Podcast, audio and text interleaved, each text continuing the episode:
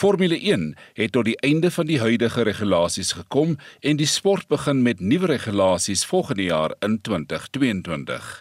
Maar wat beteken dit? Daar is letterlik honderde bladsye wat ons gaan vereenvoudig om die belangrikste veranderinge in hierdie program uit te lig. Formule 1 beweeg weg van die huidige motorontwerp na 'n nuwe ontwerp wat esteties aantreklik lyk.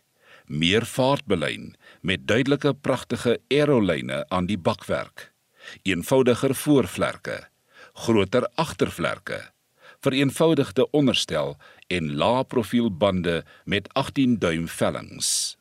Dan op die kant van die motor soos in GT Racing 'n LED-paneel met inligting, asook 'n moontlike LED-paneel op die velling van die wiele.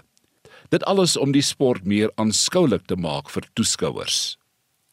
Een van die aspekte wat Formule 1 in 'n baie eensidedige, oninteressante sport verander het oor die afgelope paar jare, is die oorheersing deur een span oor die ander en die uitdaging was om 'n motor te ontwerp waar die kompetisie baie nader aan mekaar is. Die een span nie die wêreld se voorsprong bo ander het nie en daar meer wiel tot wiel wedrenne en wedywering kan wees. Op hierdie oomblik as jy agter 'n ander motor ry, verloor jy soveel padhou vermoë en afwaartse druk dat dit jou benadeel om in die onstabiele lug van die motor voor jou te ry. Die nuwe ontwerp sal minder invloed hê op die motor agter.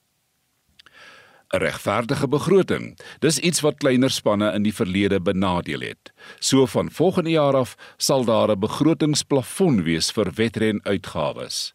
Groter spanne kan dus nie herhaaldelik gaan krap in hulle bodemlose put van finansies nie.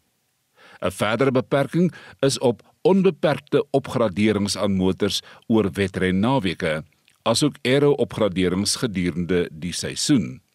Dit sal spanne beperk om onder die kompetisie uit te ontwikkel soos tans.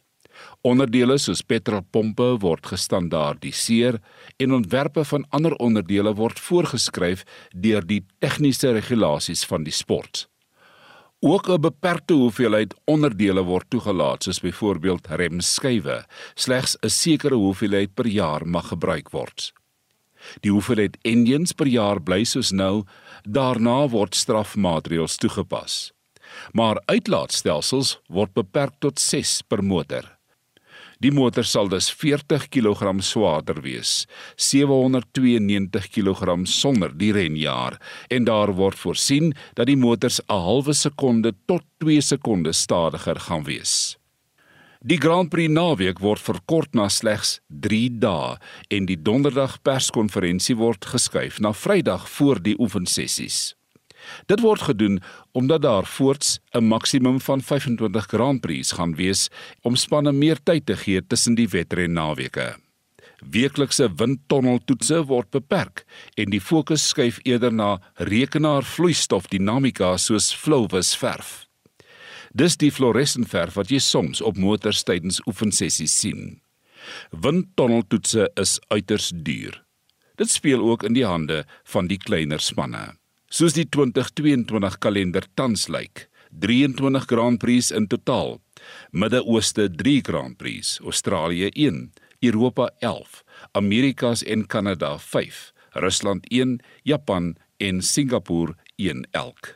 Ons weet nog glad te min om te voorspel hoe die motors gaan hanteer of watter spanne na vore sal tree met die beste motor.